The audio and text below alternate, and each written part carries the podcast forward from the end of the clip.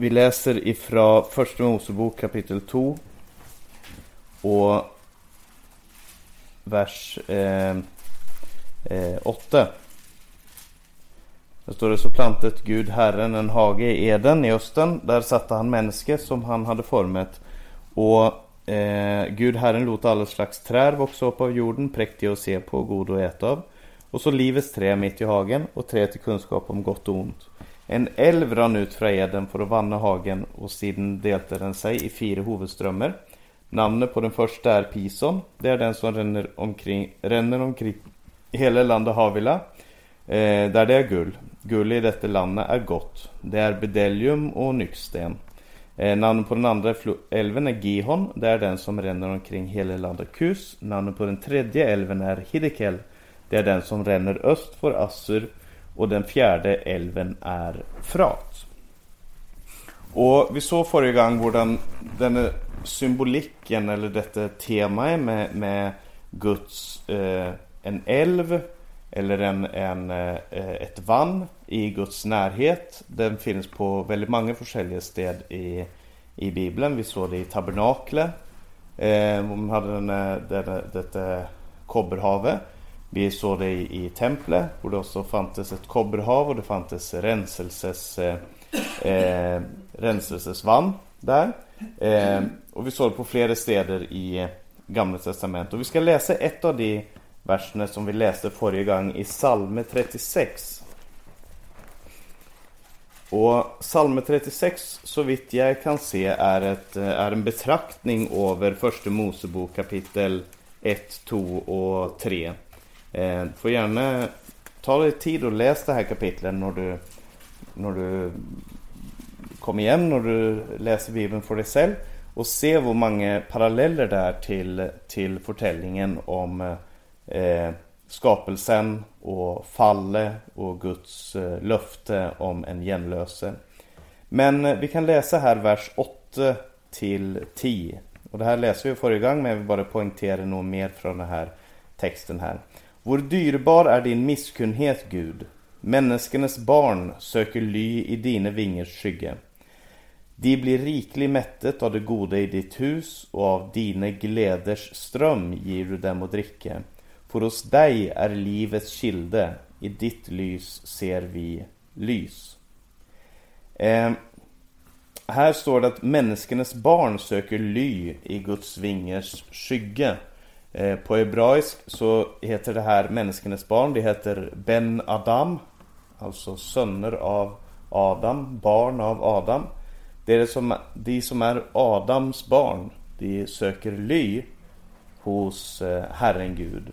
Och det var vad Eden var för, eh, för Adam och Eva. Det var en beskyttelse. Det var en, en, ett fällskap med Gud. De var under Guds direkta beskyttelse. De var innanför, om du vill, keruberna och icke utanför eller östför Eden. Eh, och där står det att det blir rikligt mättet av det goda i ditt hus. Och det var det Adam och Eva hade där. Av alla träd i hagen kan det fritt äta. Eh, och av dina gläders ström ger du dem att dricka. Och det fanns ju både en, den här eh, eh tåken, det här, det här eh, som steg upp ifrån marken. Eh, Någon översättelser säger eh, att det var en ström som steg upp av marken. Andra översättelser, det vanligaste, de säger att det var, vad är det heter på norsk? Det var en, eh, en damp som steg upp, tack. Eh, ifrån, ifrån marken. Eh, men vi vet också att det var den strömmen som sedan delte sig i, i fyra delar. Och eh, så, så här beskrivs det alltså att de som tillhör Gud, de får riklig del av den här strömmen, den här livlighetens ström, eh, livets kilde som är hos Gud. Eh, om vi går, vi ska gå en liten vandring genom Bibeln och vi ska gå först till fjärde Mosebok. Fjärde Mosebok kapitel 24. Eh, och då är vi mitt ute i, eh, under vandringen i öknen.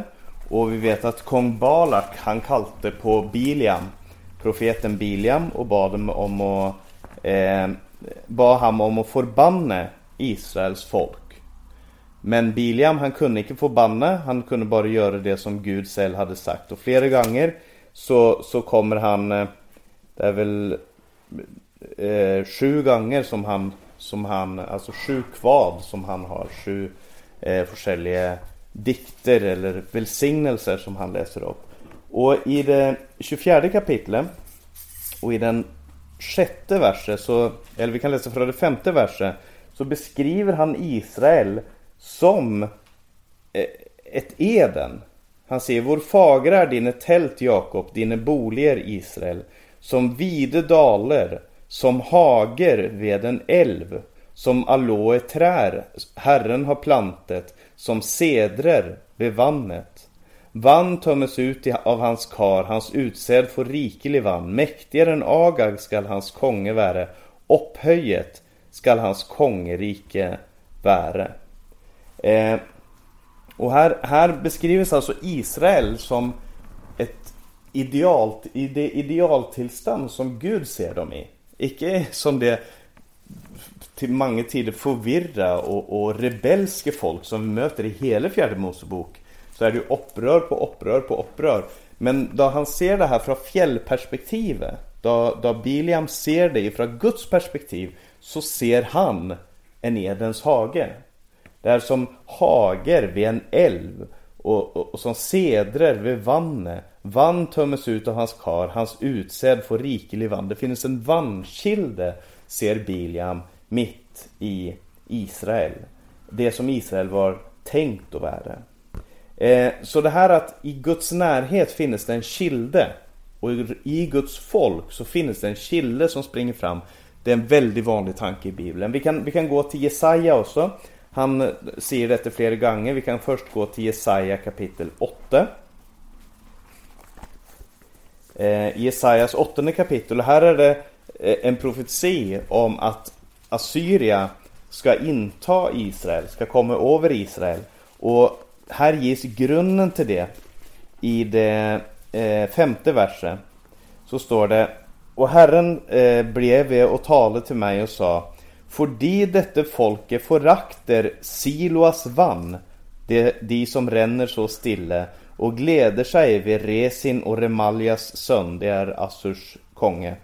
Eh, se, därför före Herren över dem älvens vann, de mäktiga och store, Assurs konge och all hans härlighet, och älven stiger över alla sina löp och går över alla sina bredder. Den tränger in i Juda, skyller över och välter fram och når folk i like till halsen. Dens utspänkte vingar fyller ditt land så vitt som det är, Immanuel. Och den här, eh, den här profetian handlar alltså om att eh, Israel som hade Jerusalem som sitt centrum där de hade då templet på Jesajas tid. Han, han var ju också en präst i templet. Eh, då, då hade de eh, en kilde som gick ut från Jerusalem. Siloas vann. Det känner vi till från det nya testamentet också där det står om Siloas vann. Eh, och, och det här vannet det var ett, det var ett enkelt vann. Det var, det var en liten kilde som sprang fram ifrån Jerusalem. Och så ser han det här folket, de, de ser på Gud som de ser på Siloas vann. Ah, det är inte så väldigt mycket. Det är inte så, det är inte så stort, det är inte så fantastiskt. Se folken runt omkring oss, de har större gudar, de har mäktigare gudar. Eh, Assurs konge, han erobrar land efter land efter land. Tänk om vi var en del av Assyria. Då hade vi varit del av ett kongerike av en mäktig gud, Assurs konge och Assurs gud. Eh, och, och Gud sa att de förakter Siloas vann som ränner så stille.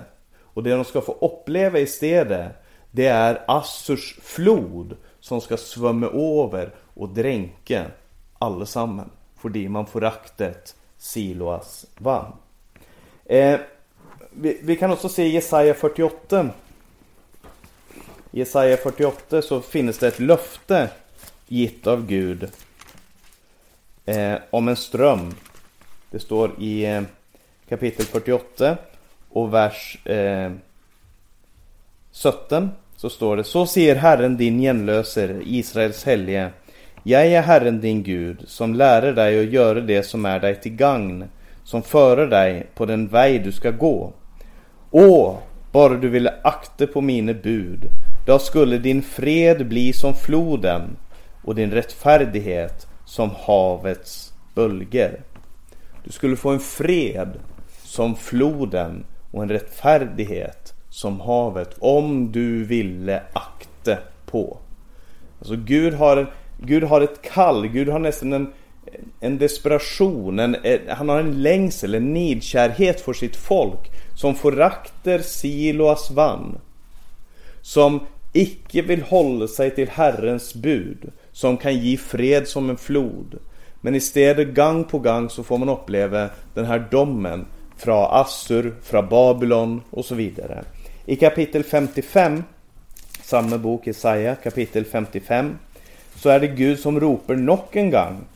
Och han ropar till de som törstar. Han säger Nåväl, från den första versen. Nåväl, alla dere som törstar, kom till vannene. Och dere som ingen pengar har, kom, köp och ät. Ja, kom, köp utan pengar och utan betalning, vin och mjölk. Varför väjer dere ut pengar för det som icke är bröd och deras förtjänste för det som icke kan mätta? Hör på mig, så skall dere äta det goda och deras själ ska glädja sig vid de feta rätter. Vänd öre hit och kom till mig, hör så ska deras själ leva. Och jag vill upprätta en evig pakt med dere och ge dere Davids rike nåde den visse. Och det här är ju kallet som, som går ut från Gud då, till Israels folk. Det folket som nu står i begrepp att bli fört bort till fångenskap i Babylon. Men Gud säger Vänd om. Vänd bort ifrån den här syndens väg. Jag har utvalt er. det är mitt folk. Icke gå till alla dessa andra kilderna. Icke gå till de tomme kilder, till de ödelagda kilder. Och Gud säger, jag vill skapa ett Eden ibland er. Varför vill det icke komma? Vad är grunden till att det icke vill komma när jag vill skapa ett Eden? Och lite längre fram i historien så kom profeten Jeremia. Och i, om vi läser i profeten Jeremia, det andra kapitlet, så brukar han ett liknande bilde eh, i det trettonde verset. Eh, det står här, för två onda ting har mitt folk gjort. Mig har de förlatt, kilden med det levande vann, och de har hoggt sig ut brunnar spruckna brunnar som icke håller vann.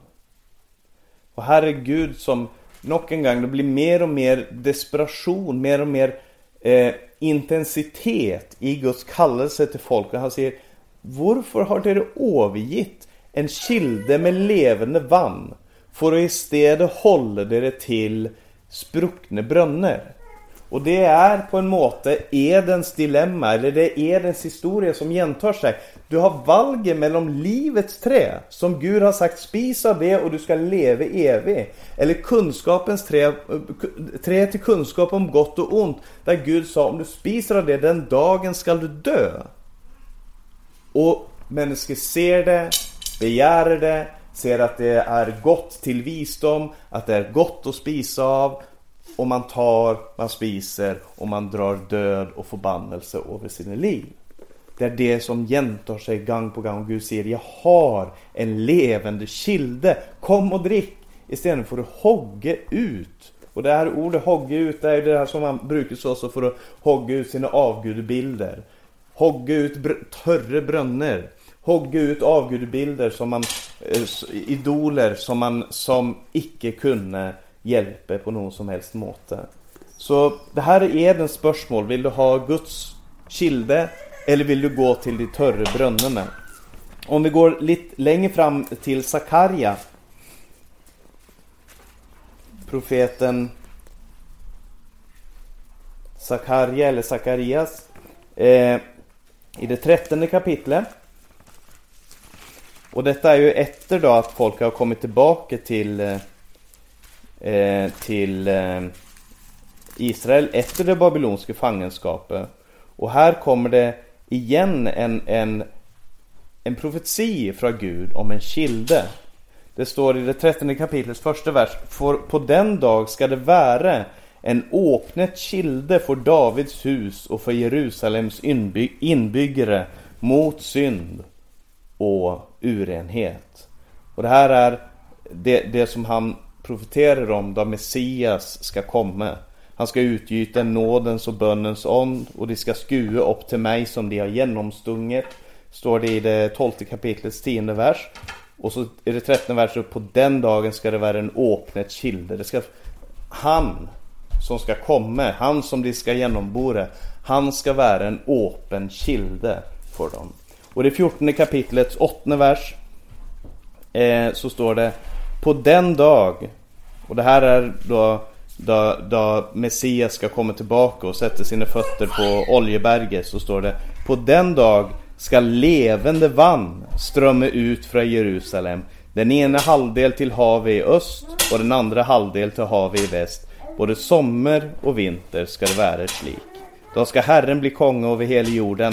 På den dag ska Herren vara igen och hans namn ett Så vi ser den här utvecklingen då Om du har Eden först du har tabernaklet, du har templet, alla dessa städer där det finns ett rensande vann.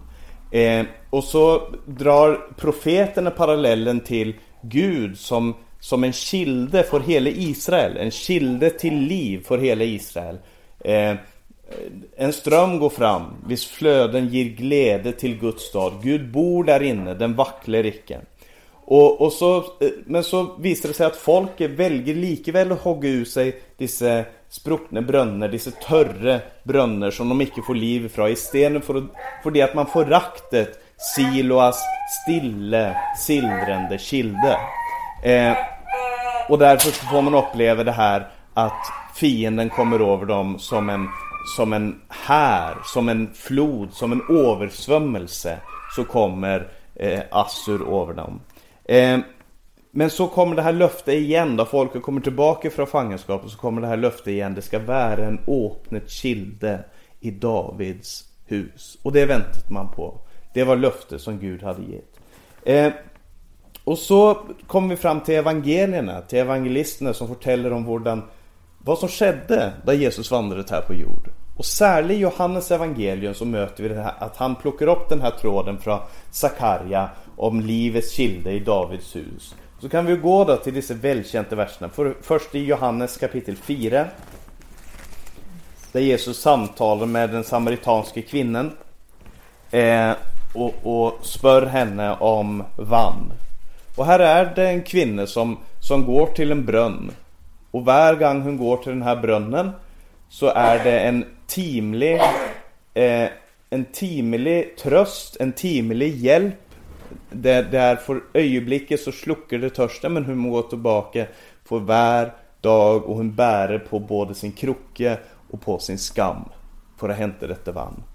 Och så, så säger Jesus till henne då hon spör Hur kan du som är jöde be mig, en samaritansk kvinna, om att dricka? Så säger han i kapitel 4, vers 10 Jesus svarade och sa till henne Kände du Guds gave? Och visste du vem det är som säger till dig Ge mig att dricka Så hade du bett han och han ville ge dig levande vann Och så spör hon Men är du större än vår far Jakob? Är du större än vår far Jakob som byggde, som gravde ut denna brunnen för oss? Och Jesus svarade henne i det, i det trettonde verset och sa till henne Vär den som dricker av detta vann blir törst igen men den som dricker av det vann jag vill ge ham skall aldrig i evighet törsta. Men det vann jag vill ge ham blir i ham en kilde med vann som väller fram till evig liv. Halleluja. Den som, det vann som jag ger, det blir en kilde i han som väller fram till evig liv. Det blir en Edens kilde i människors hjärta. Och i, i kapitel 7 så är det också det är lika välkänt vers men det är lika fantastiskt varje gång under den här lövhyttefesten som Jesus deltar i här eh, och han, han diskuterar med dem och han, han eh, eh, samtalar med människor här eh, och i det 37 verset så står det Men på den sista, den store dag i högtiden stod Jesus och ropte ut Om någon törster han kommer till mig och dricka.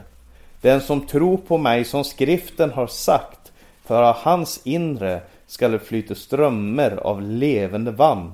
Dette sa han om den ånd de skulle få, de som trodde på ham, for ånden var ennå ikke gitt, fordi Jesus ennå ikke var herliggjort. I kapittel 2 så talar Jesus om sig selv som tempelet. Och så, ser han, så ser, förklarar Johannes, detta sa han om sin kropp som skulle brytas ner och så genoppstå efter tre dagar. Och här så talar han om floden, tempelfloden om du vill. Och så säger han, den här floden, den, det, det är onden som de får, de som tror på han. Som skriften säger, jag skulle vilja säga, för det här är inte ett direkt citat, det är inte ett direkt citat som säger att eh, eh, från hans inre ska det flyta strömmar av levande vann. Det här är Jesus som, som sammanfattar hela Bibelns undervisning om en ström, om en åknet kilde i Davids hus, om, en, ett, om ett livets vann som ger legdom till världen som tror på han. Det är onden som bor i den som tror. Eh, I kapitel 9 så kommer Jesus till Siloams damm. Det vannet som var så föraktet. Eh, och, och, och, och det, det, står där om en man som är fött blind. Och så står det här i eh, eh vers 4. Jag må göra hans gärningar som har sänt mig så länge det är dag. Natten kommer då ingen kan arbeta. Mens jag är i världen är jag i världens lys. Då han hade sagt detta spyttet han på jorden, laget en dej av spytte och smurte dejen på ögonen hans och han sa till ham Gå och vask dig i dammen Siloa. Det betyder utsänt. Han gick där bort och vasket sig och kom tillbaka seende. Det finns en åpnet kilde i Davids hus. Och det är inte egentligen Siloas vann som är det helbredande. Det är Jesus Kristus själv. Och det är den kopplingen som, som blir gjort här. Du har Siloas damm, det är sant. Vannet, som går ut ifrån Jerusalem. Men det är Jesus som bringar helbredelse. Det är han som är livets kilde. Och i, i, nog en gång så möter vi vann i Johannes evangelium och det är i det 19 kapitlet. Där Jesus hänger på korset. Eh, och profetien blir uppfylld att eh, Jesus eh, att Jesu ben icke blir brutt. Och så står det i det 33 verset. Men då de kom till Jesus, dessa soldaterna som skulle bryta hans ben, så såg de att han allerede var död och de bröt icke hans ben. Men en av soldaterna stack ett spyd in i sidan på ham och strax kom det ut blod och vann. Och den som har sett det har vittnet om det och hans vittnesbörd är sant. Han vet att han talar sant för att också dere ska tro. Detta skedde för att skriften skulle bli uppfylld. Icke ett ben skall brytas på ham. Och, det, och igen ser ett annat skriftord. Vi ska se hen till ham som de har genomstungit. Det är alltså Sakaria kapitel 12 och vers 10. Någon verser för det verser som säger I Davids hus ska en kilde vara öppnet. I Davids hus är en kilde öppnet. Och det, det, åp, det strack, stack ett spyd i sidan på han och från hans öppna sår kom det blod och vann. Priset vare Gud. Eh, så budskapet som, som Johannes önskar att föra fram, tror jag, är att Jesus är den Edens flod som vi mistet. Jesus är det som vi mistet. Han är mer än det som vi mistet. För det att eh, jag kan se, se, det som en parentes. Ibland när vi talar om, om Bibelns budskap så, så, eh, så talar vi om den på den måten att vi talar om skapelsen, eh, fallet eh, genupprättelsen eller försoningen och, och fullbyrdelsen. Alltså genlösning, för, skapelse, fall, genlösning, fullbyrdelse. Och då blir det liksom skapelse med Eden här uppe och så är det ett fall och så är det en genlösning och en fullbyrdelse i tidens ände. Men det, det som sker med, alltså visst man tänker lite fel på det så tänker man att det vi ska, det vi ska uppnå är att komma tillbaka till Eden. Men Eden är inte målet. Eden är medlet för att komma till målet. Eden är medlet för att Gud ska kunna placera livets trä ett sted. Och livets trä, tanken med livets trä är att vi ska ta del av det och få evig liv, få Guds liv i oss. Få det som Gud har tänkt ska bli en del av oss. Det är tanken. Det uppnådde icke Adam och Eva. De hade, för att bruka det modernt uttryck, det fanns ett potential där. Det fanns, det fanns en möjlighet där. Men, men de uppnådde icke det som var tänkt. Men i Jesus Kristus så har vi mer än Eden. Vi har mer än Edens ström. Vi har mer än, än den dampen som stiger upp ifrån jorden. Vi har Jesus Kristus som är kraft för oss var dag, var morgon, var stund så får vi gå till den ström som Jesus Kristus är för oss. Och, och detsamma förkynner eh, om. Vi kan ta ett vers i första Korinthierbrevet kapitel 10. Där, eh, där Paulus advarar menigheten i Korint för att vara för trygge i det här att ja, ja, men vi tillhör ju menigheten. Vi är, vi är ju en del av det. det. Det är ju vi har ju Jesus, vi tillber Jesus, jag har haft många upplevelser med Jesus, då är jag trygg, då är det inte någon fara. Eh, och han advarar mot den tanken, för han, han säger att eh, jag vill inte att det ska vara uviten om våra fäder. Och så ser han i det, det tionde kapitlets första vers. De var alla under skyen. Alla gick genom havet. Alla blev döpt till Moses i skyen och havet. De åt alla den samma åndliga mat och de drack alla av den samma åndliga dryck, drick, för de drack av den åndliga klippen som följde dem och klippen var Kristus. Likväl fann Gud icke behag i de flesta av dem, för de blev slått ned i öknen. Men dessa ting hände som förbilder för oss så att vi icke skall ha lyst till det onde, eh, slik de hade lyst till det. Så han advarar dem. Budskapet är en advarsel. Eh, där han säger att eh, nå, nå må dere ta dere i vare fordi selv om dere är döpt, dere tillhör menigheten, dere får del av allt det gode som är här så, så husk det att det var samma sak i gamla testamentet. Alla blev döpt till Moses, alla gick under skyen, alla spiste den samma andliga mat. Eh, men likväl så hade de flesta hade Gud icke behag till. De fallt döda om i öknen. Så han säger fortsätt att kämpa för det som de har fått. Fortsätt att leva för Gud, fortsätt att sök helighet, sök det närmare Gud.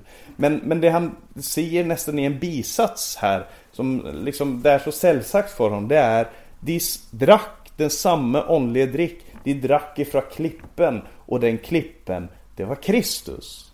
Eh, och han drar en direkt parallell mellan det Israels barn upplevde i öknen och det de som menighet fick uppleva här och nu. Jesus Kristus är kilden i menighetens mitte. Jesus Kristus är klippen som är slott och en kilde som strömmar fram i mitt i Guds menighet ibland hans folk. Priset vare Gud. Han är vår kilde. Och, och jag tror att när vi läser Bibeln, även om jag kanske inte ska gå så mycket in på hur vi ska applicera den här texten eh, här ikväll. Så när vi läser den här texten eh, om, om kilden i, i, eh, eh, som, som Jesus Kristus är, så må vi förstå att bara för det att den kilden är här, så betyder inte det att jag har drickit av den. Bara för det att kilden är här så betyder inte det att jag har ett närmare förhåll till Gud. Jag må, jag må ta in av denna kilden. Jag må ta del av kilden. Eller så dör jag i örknen. Vi behöver Jesus var enaste dag. Vi behöver Jesus för, för liv, för utveckling, för, för uthållenhet, för kraft i alla situationer. Vi behöver mer av Jesus för varje dag. Låt oss dricka av den kilden. Så och, och, och, så har du ju, när du kommer fram till Johannes uppenbaring och det är en helt okontroversiell påstånd att se att i Johannes uppenbaring så möter du Eden på nytt. Eh, alla trådarna, jag, jag, skulle vilja se att de, de flesta trådarna som går ut ifrån Eden, de möter varandra först i Jesus Kristus och så möter de varandra i Johannes uppenbaring. I fullbyrdelsen, i, i jag vet inte, konsumeringen, i, i, i, i, allting når sitt mål, sitt telos i Johannes uppenbaring. Du har Eden, du har Jesus Kristus, du har fullbyrdelsen. Och visst vi går då till Johannes uppenbaring, det fjärde kapitlet.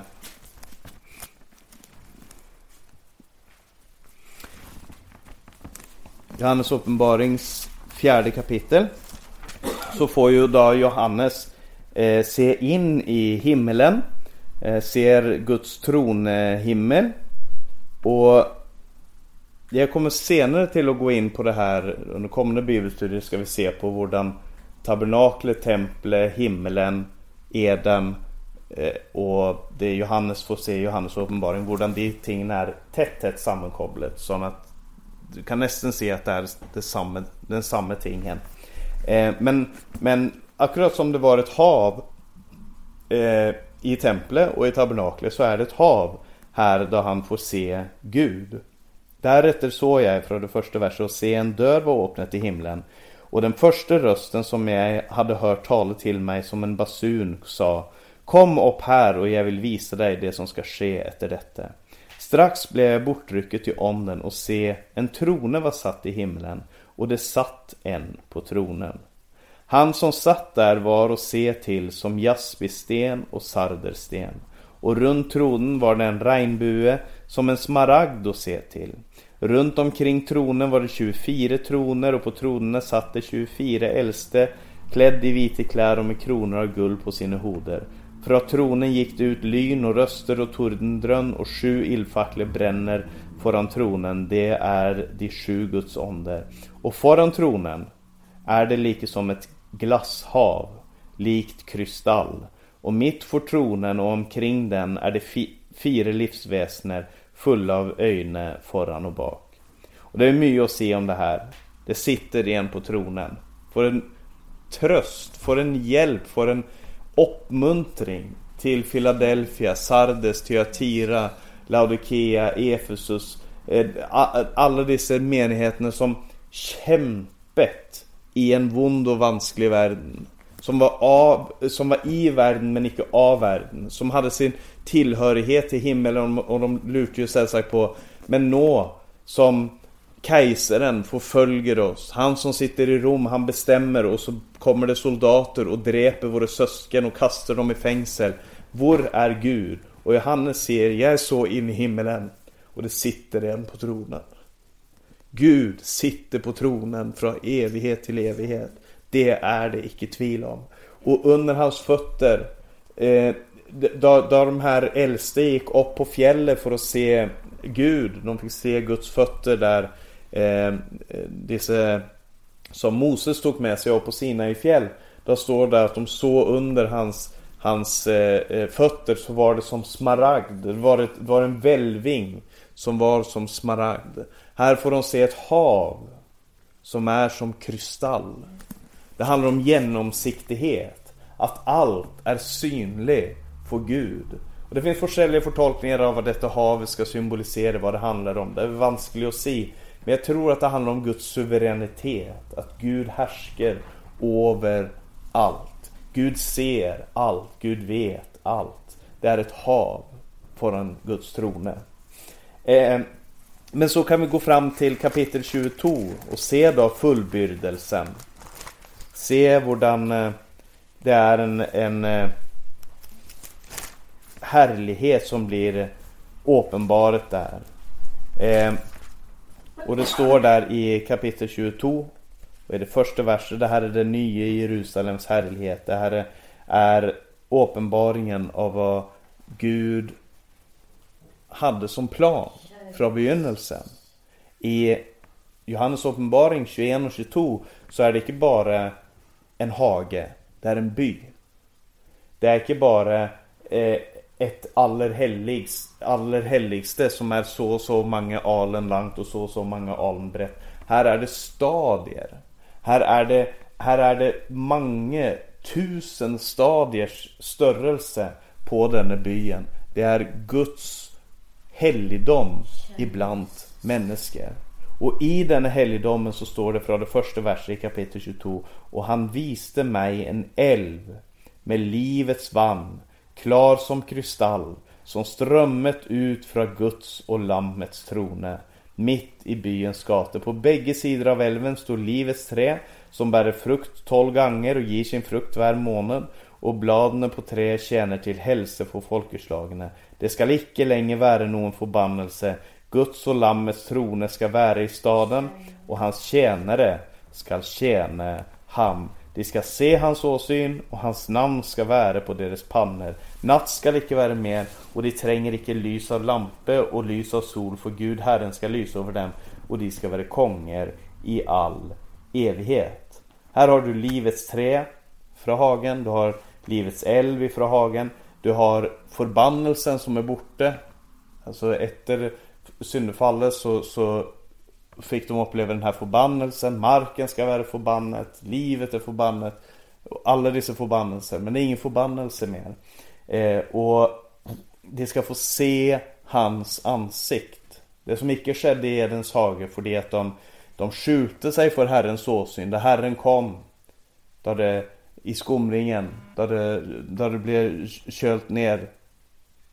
Då, eh, och Gud ropte Adam, var är du? Där de skjulte sig, och de säger jag, jag skjulte meg för dig, för fordi jag visste att jag var naken. Den, nå ska de stå, och de ska se Herrens ansikte. Och vi som skur hans ansikte, vi förvandlas till samma bilder. Det är inte det jag ska tala om, vi ska komma tillbaka till de, till de texterna. Men akkurat det här, det är en älv med livets vann som går fram. Och oavsett man, vad man har för förtolkning av eh, Uppenbaringen 21 och 22. Är det ett bildespråk? Handlar det om tusenårsrike?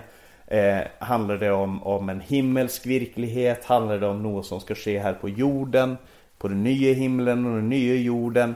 Eller är det ett bildespråk av, akkurat som med Biliam, där han såg Israel i sitt idealtillstånd, att det här är ett bilder på menigheten i idealtillstånden. Oavsett vad det är, jag tror att det kanske ligger något i alla dessa förtolkningarna.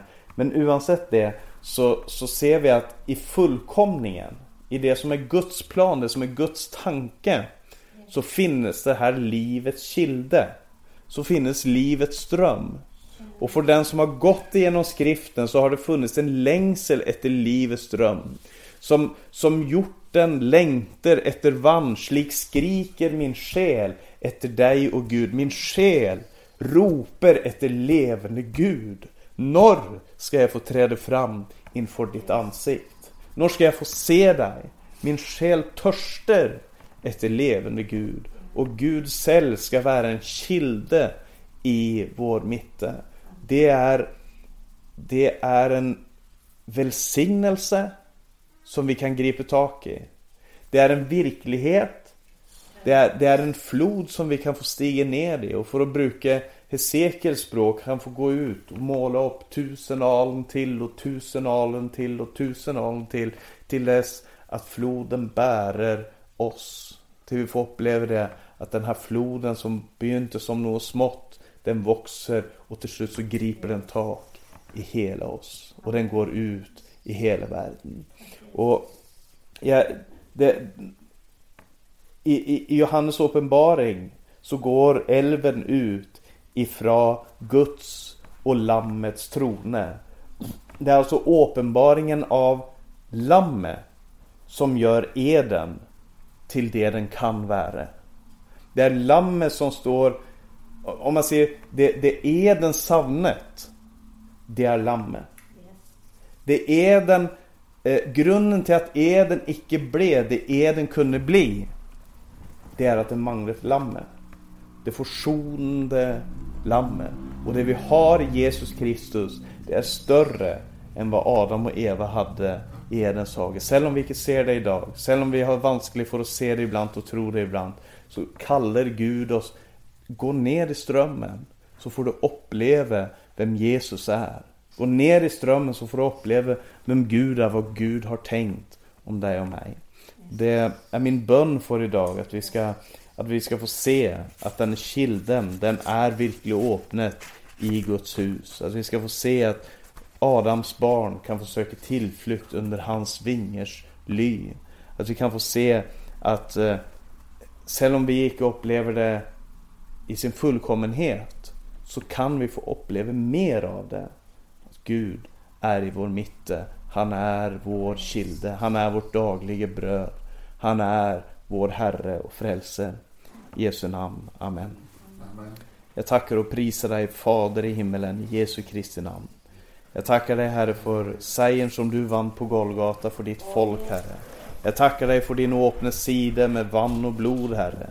Jag tackar dig för det nya livet som vi får leva samman med dig. Du är livets kilde och i ditt ljus, där ser vi ljus. Herre, jag lovar och tackar dig för eh, fortellingen som vi möter i hela Bibeln. Som är en sammanhängande fortelling som pekar fram emot dig. Mot din död och uppståndelse, mot din eh, himmelsfart, Herre. Och din kroning som konge över alla ting. Herre Jesus Kristus, du är vår Messias. Herre Jesus Kristus, du är vår frälsare och Herre, du är vår konge. Och vi vill i denna tiden bekänna att vi har ingen annan kilde, vi har ingen annan som vi vänder oss till än vi har dig Herre. Vi har i Jesu Kristi namn, vi har inte längre Betesda damm, vi har inte längre Siloams vann, men vi har dig Herre Jesus. som är vår kilde. Du är vår öppnade kilde i Davids hus. I Jesu Kristi namn. Amen. Amen. Amen.